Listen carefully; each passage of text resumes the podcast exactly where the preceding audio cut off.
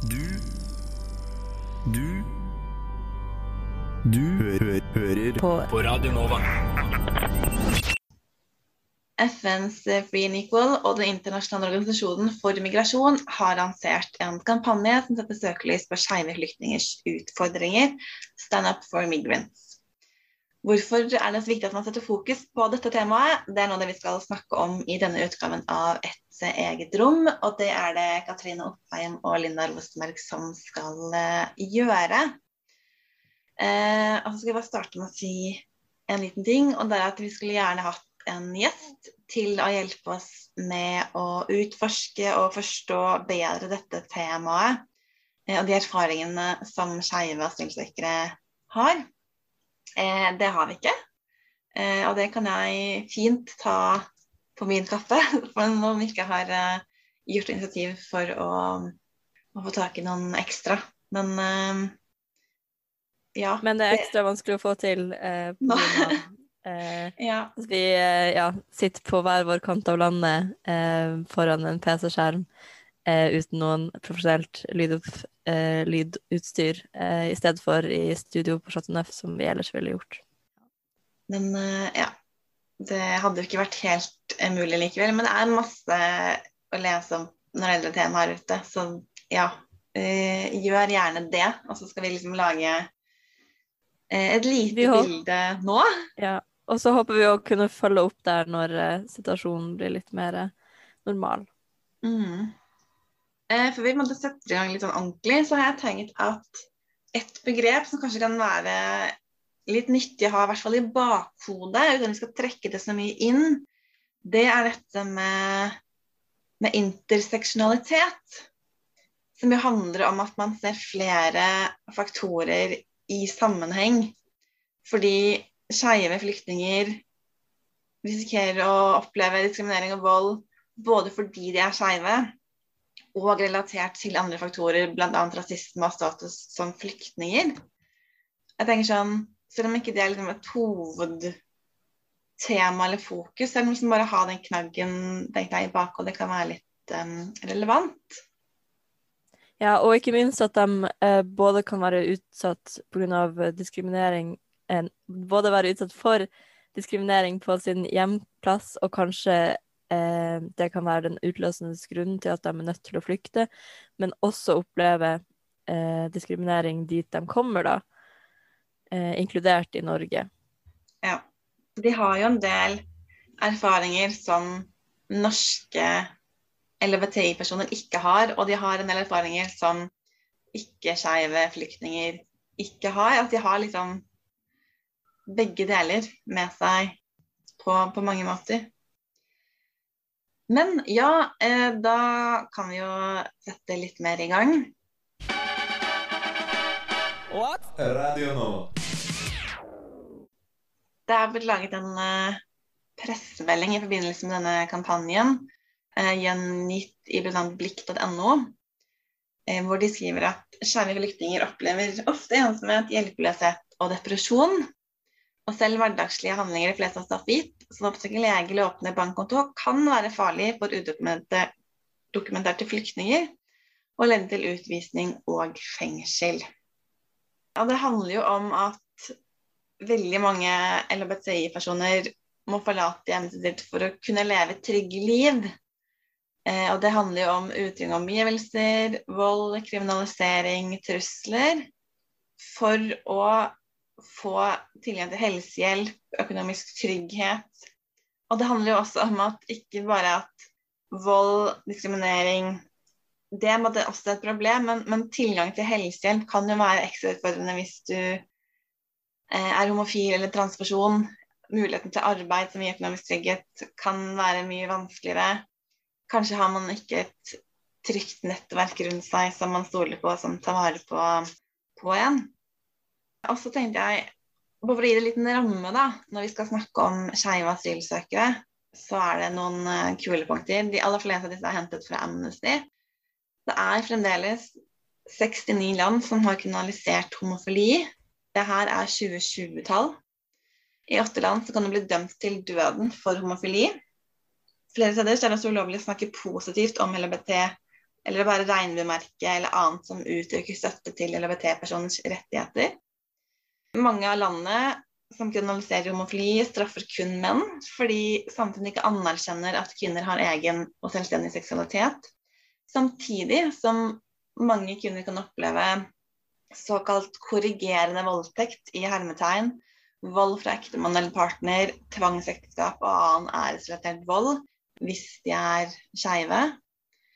Og stillene som ikke kriminaliserer homofili, så kan LHBT-personer oppleve forfølgelse både fra statlige og ikke-statlige aktører. Skeive asylsøkere blir diskriminert og avvist av andre flyktninger og kan også oppleve vold, trusler og homofobi i flyktningleirer.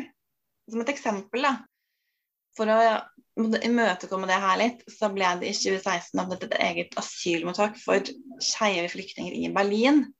For å beskytte seksuelle minoriteter blant asylsøkere mot vold og sjikane fra andre asylsøkere. Så det er den store rammen som vi på en måte skal snakke innenfor når det gjelder um, det temaet her. Jeg vet ikke, Adine, det var du som først foreslo det her som et tema. Har du lyst til å bare prøve å sette noen ord på hvorfor, hvorfor det? Ja, um, leste først om det på blikk.no kampanjen, og det satt Det satt jo først en søker på fordi jeg tenkte det har jeg eh, aldri tenkt på før, eller sånn, det her er noe jeg kan veldig lite om. Og det her er en veldig viktig kampanje, hvorfor hører jeg ikke om den på Dagsrevyen?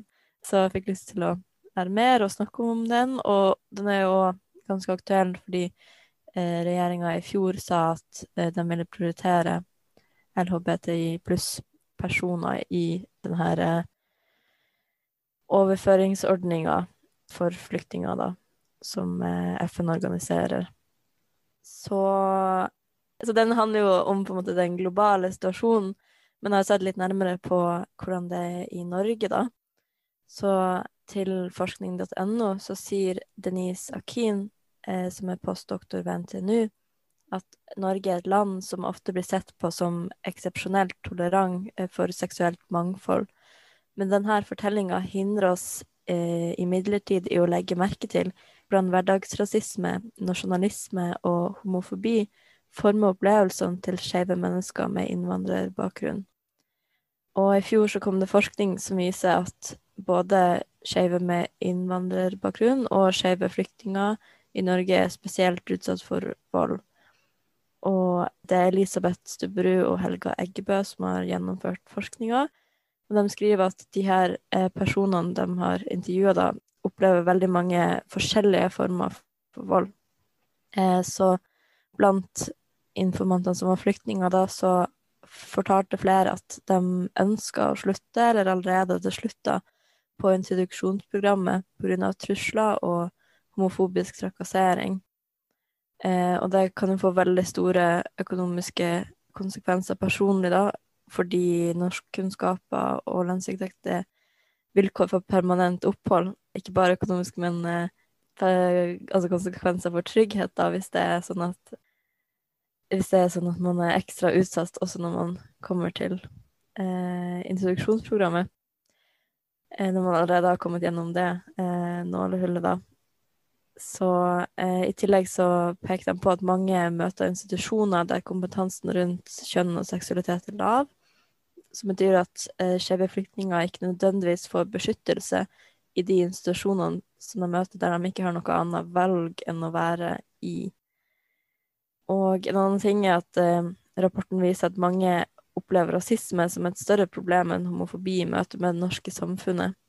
Og den sammensatte diskrimineringa fører til eh, minoritetsstress, altså tilleggsbelastninger som man kan utsettes for pga. sin minoritetsstatus. Og flere beskriver at de opplever å gå rundt og stadig gjøre risikovurdering av situasjoner, personer og steder. Det kom eh, altså en rapport fra 2018 som heter 'Alene og skeiv', en studie av livssituasjonen for skeive enslige mindreårige asylsøkere i omsorgssentre og asylmottak. Som ble laget på oppdrag fra Barne-, ungdoms- og familiedirektoratet, eller Bufdir, som det heter på kort. Eh, og de også har dybdeintervjuet ni skeive enslige mindreårige, men også ansatte på omsorgssenter og mottak, og andre personer i formelle hjelperelasjoner, som f.eks. hjelper dem i kontakt med FRI, Salam eller Skeiv verden, som er kanskje de viktigste organisasjonene eh, måtte sette det i kontakt med, da, sånn utenfor eh, både myndighetene. Og det viktigste funnet i denne rapporten det er at det er et behov for at ansatte på omsorgssentrene og i mottakene i større grad tematiserer dette med variasjoner i kjønn og seksualitet, særlig overfor enslige mindreårige. For det er en forutsetning for at man som skeiv skal føle seg trygg og sett av en særlig voksen person da, og få den hjelpen man behøver, det er jo at man har tillit til disse menneskene som har formelle hjelperåder, og tør å betro seg til disse menneskene om temaer knyttet til kjønn og seksualitet. Og samtidig finner de at de som jobber med flyktninger og um, asylsøkere, de har stort sett ikke vært innom dette temaet i utdanningen. Og det er ingen retningslinjer eller rutiner. Eh, og det er veldig store mangler på kurs og kompetanseheving. Slik at det er liksom Og det var jo dette du nevnte, Katrine. Det er liksom et behov for mer kunnskap hos de som skal, eh, som skal hjelpe, da, eh, og som jobber på disse mottakene. Og også de som er mindreårige, opplever jo mobbing, trakassering, overgrep, utfrysning, ensomhet, isolasjon. Og de finner jo kanskje ikke så overraskende egentlig at det særlig er gutter med et feminint uttrykk som er særlig utsatt for negative reaksjoner fra andre beboere, som også opplever at selv om de selv ikke er åpne om sin seksualitet eller seksuell orientering, så blir de på en måte Det begynner liksom å gå et rykte om at ja, han virker litt sånn feminin, så han er helt garantert homofil, liksom. At de er mye mer utsatt for den typen ting. At de kanskje Det blir liksom en, en felles oppfatning uten at de egentlig har lyst til at, til at de har lyst til å gå ut med det selv. Så er det en annen problemstilling som, som, jeg tror kan være ganske relevant å huske på, det er dette med at veldig mange asylsøkere de har, uansett om de er skeive eller ikke, men de har lav tillit til politiet. Eh, og hvis du er skeiv og er fra et land hvor du opplever og har kunnskap om at politiet i seg selv kan være en trussel, da, fordi de utøver f.eks. vold eller trakassering av, av LHBTI-personer, så er det ekstra vanskelig å kunne liksom være åpen om både at man er skeiv, men også de tingene man opplever da, på et asylmottak. Og også en problemstilling er jo at eh, hvis tolken er fra det samme hjemlandet som det du selv er, så er det kanskje ikke norske myndigheter som er problemet, men da er det tolkene som er problemet, fordi man ikke har tillit til tolken. Fordi at da vet jo plutselig den tolken noe om deg som du ikke vil at de andre skal vite. Og så har man kanskje ikke den tilliten i bunnen som gjør at det er liksom, to ting som gjør det vanskelig for at Da tenker jeg ikke bare mindreårige skeive asylsøkere, men sånn asylsøkere generelt. Og så har de noen ganske sånn sentrale poenger, og det er at For det som kommer frem i denne rapporten, er at de som jobber på asylmottak, de opplever at ja, men det er jo ingen det er ingen LHBT LHPTI-personer. Jeg klarer ikke å si disse bokstavene engang. Og derfor er det ikke så avgjørende om seksualisering, kjønnsidentitet og kjønnsuttrykk tematiseres eller ikke.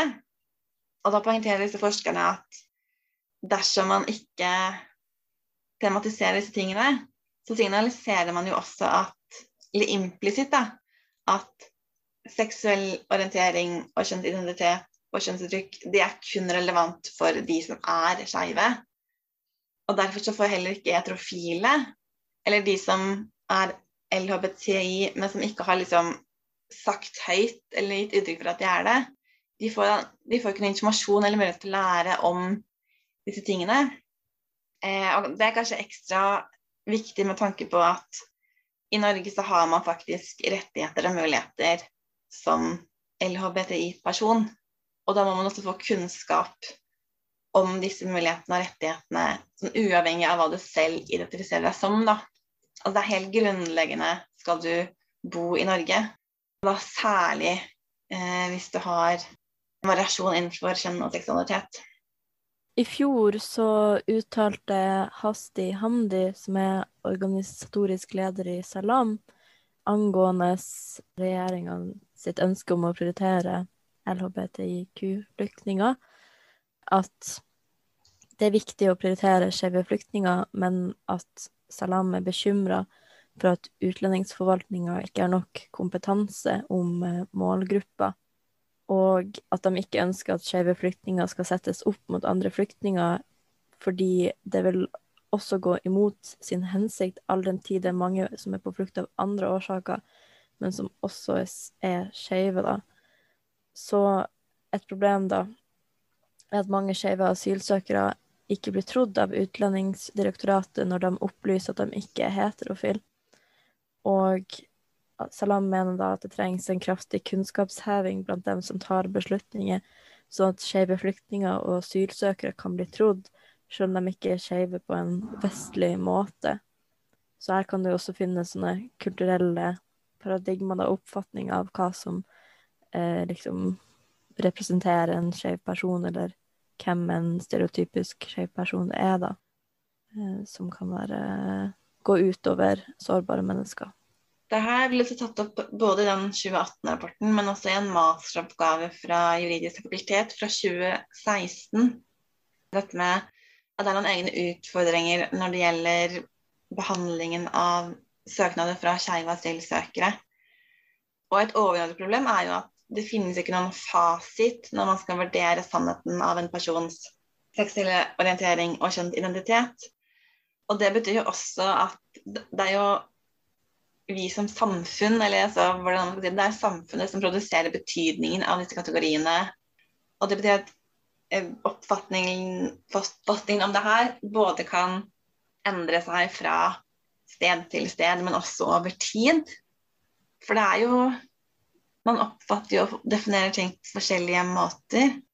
Og det betyr også at i en gitt sosial kontekst så kan det bli oppfattet som homofil forutsatt, da, som du var inne på, at man uttrykker seg og ser ut på bestemte måter.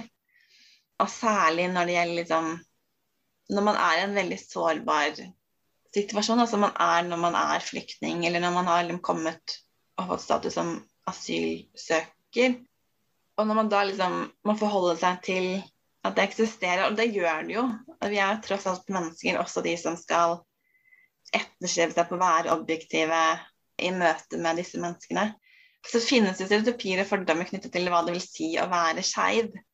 Eh, det finnes både uttalte og ikke uttalte forventninger om seksuell praksis og utseende.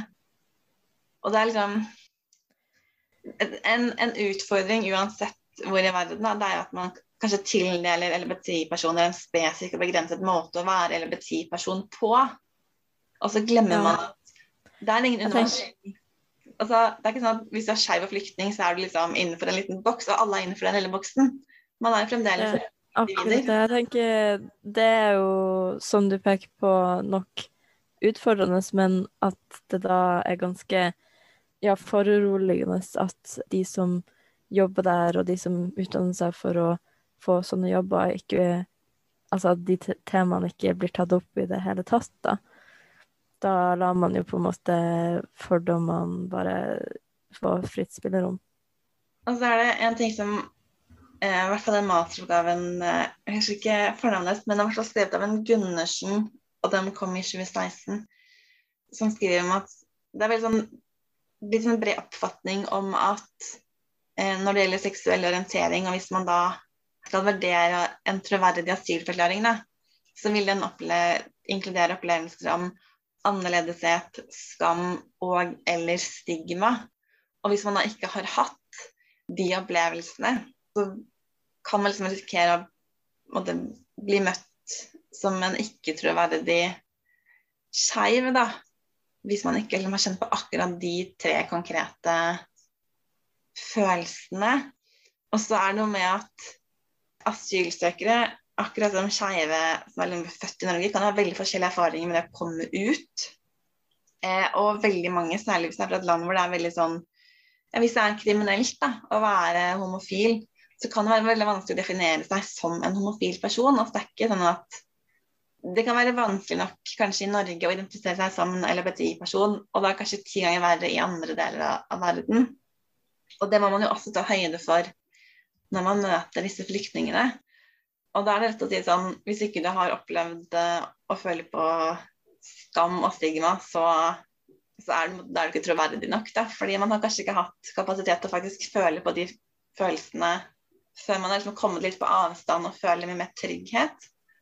Ja, på nettsiden til eh, kampanjen, som da er Free and Equal, sin hashtag Stand Up for Migrants, så er det jo også noen eh, personlige historier eh, der man kan få et eh, ja, litt mer ansikt på hvordan det kan oppleves, også hvor forskjellige opplevelsene er, for det er jo en veldig mangfoldig gruppe, da, og mange forskjellige opplevelser.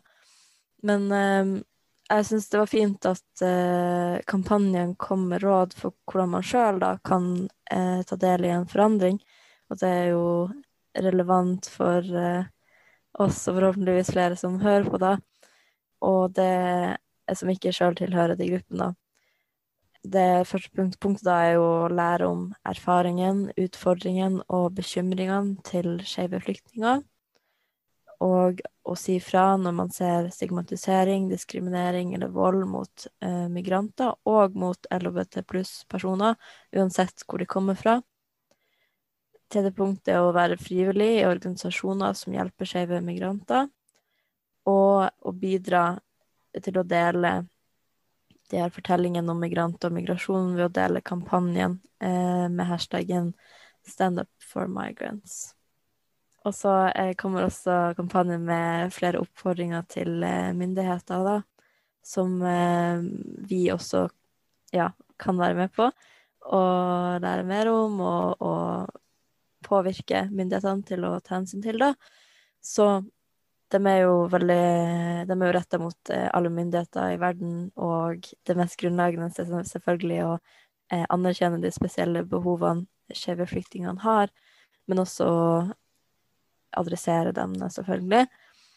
Og å anerkjenne forfølgelse på basis av seksuell orientering, kjønnsidentitet, kjønnsuttrykk og kjønnskarakteristika som gyldig grunnlag for asyl.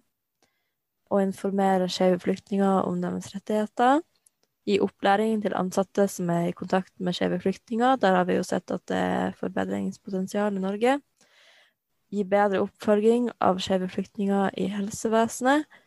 Og sørge for trygge steder å oppholde seg. Du lytter til Radio Nova. Nå har vi jo snakket veldig mye om, om Norge. Men det er jo samtidig ganske sånn universelt, da. Altså hvis du er skeiv og bor i en flyktningleir, så det opplever man jo både Man kan oppleve trakassering, vold og trusler fra andre flyktninger, og også fra det omkringliggende lokalmiljøet. Altså, Flyktningleir er vel ikke akkurat et trygt sted å oppholde seg i, i utgangspunktet. Og eh, i hvert fall i Øst-Afrika, der er vel hvis jeg har forstått riktig, bare Kenya hvor afrikanske skeive kan søke om asyl. Samtidig som det er veldig mye diskriminering og vold mot skeive. Eh, I Kenya så er sex mellom menn ulovlig og kan straffes med 14 år i fengsel. Så det er liksom på tross av liksom vold og diskriminering og kriminalisering, så er liksom likevel Kenya blitt en sånn safe heaven for veldig mange afrikanske LHBTI-personer. Og det sier liksom noe om hva slags virkelighet de lever i. Da. Det er liksom ett sted du kan dra og få opphold som skeiv, men det er fremdeles ikke trygg der. Eller sånn Og så er det jo um, altså generelt Vi hadde jo en podkast i sommer med liksom eller Vi kalte den et skjevt blikk på koronapandemien. Og der var det også og Vi snakket litt om utfordringene hos skeive, og også hos flyktninger. Skeive flyktninger. Eh, og liksom generelt så er det noe med at det er vanskelig nok som flyktning å finne arbeid, eller i hvert fall finne inntekt. Og som LHBTI-person så er det enda vanskeligere igjen.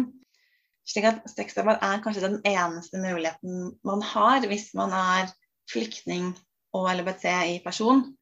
Også i områder hvor dette er kriminelt og man opplever høye straffer for det man gjør. Da.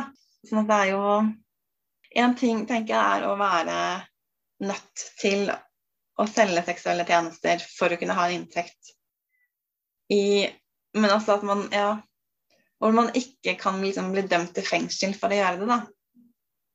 Eh, men hvis du er nødt til å gjøre det i et område hvor du vet at du kan risikere kanskje til og med bli dømt til døden for å gjøre det, så er det jo Si noe om hvor ekstremt ja. ting kan være. Og ikke minst hvor mye mer uh, utsatt man er for uh, altså vold og overgrep da, når de som utfordrer det, vet at du ikke kan gå til politiet og si ifra. Fordi da kan du risikere å få straff sjøl. Ja, og så jeg vil bare påpeke en annen ting da, som Amnesty uttalte da i forbindelse med den uh, prioriteringsendringa uh, som regjeringa la fram i fjor. At eh, det er veldig bra Eller sånn, det høres ut som et bra initiativ å prioritere skeive flyktninger, men 3000 kvoteflyktninger er altfor mye, og det er utrolig mange mennesker i verden med beskyttelsesbehov Eh, så jeg vil bare gjenta den eh, oppfordringa, og eh, også til å finne ja, altså systemer som fungerer bedre enn det gjør i dag.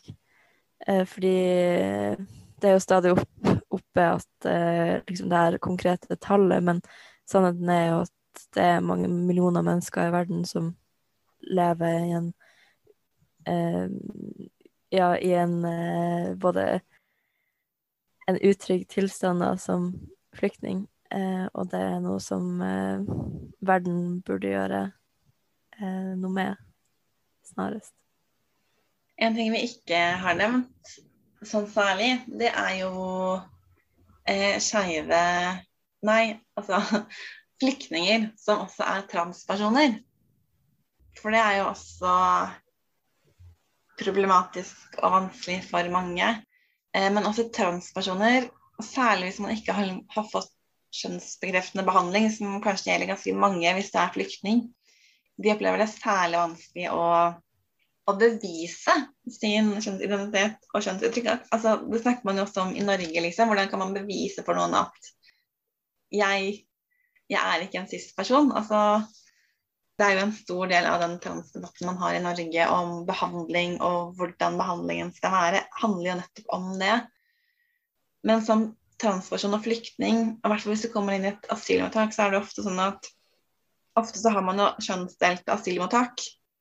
Du, liksom, du, må inn i det ene eller det andre. Og, og hvis du ikke passer inn da, der hvor du kommer, så blir jo det ekstra utfordrende og belastende hvis man ikke har den normative kjønnsidentiteten eller kjønnsuttrykket, da.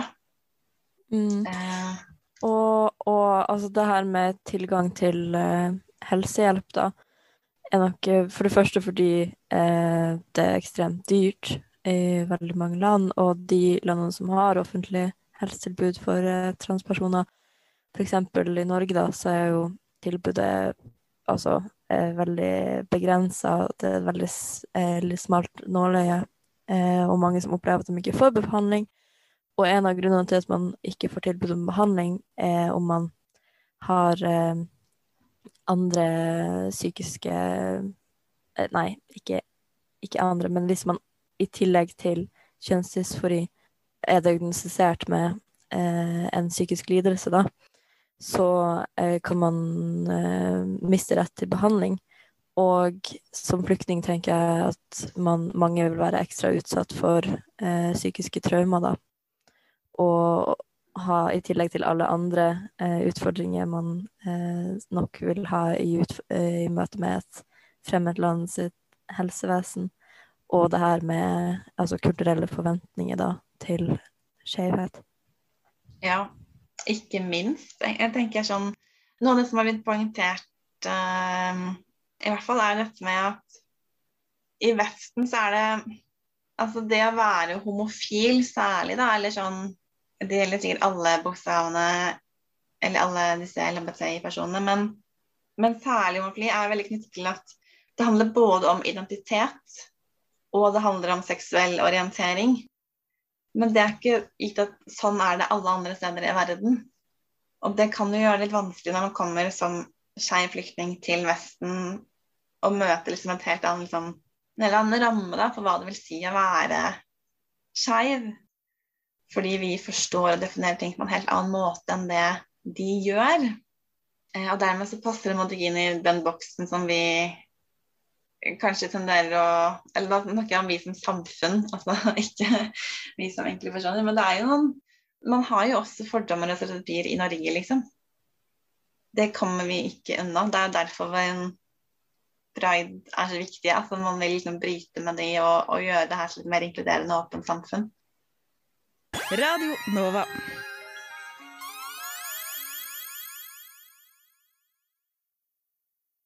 Men vi kan kanskje begynne å runde litt eh, av. Og så kan jeg bare si at hvis man vil høre litt mer, så i vår episode 97 så snakket vi også om skeive asylsøkere. Det er noen år siden nå. Men da hadde vi bl.a. besøk av Susanne Øvergård og Rami Maron fra Skeiv verden.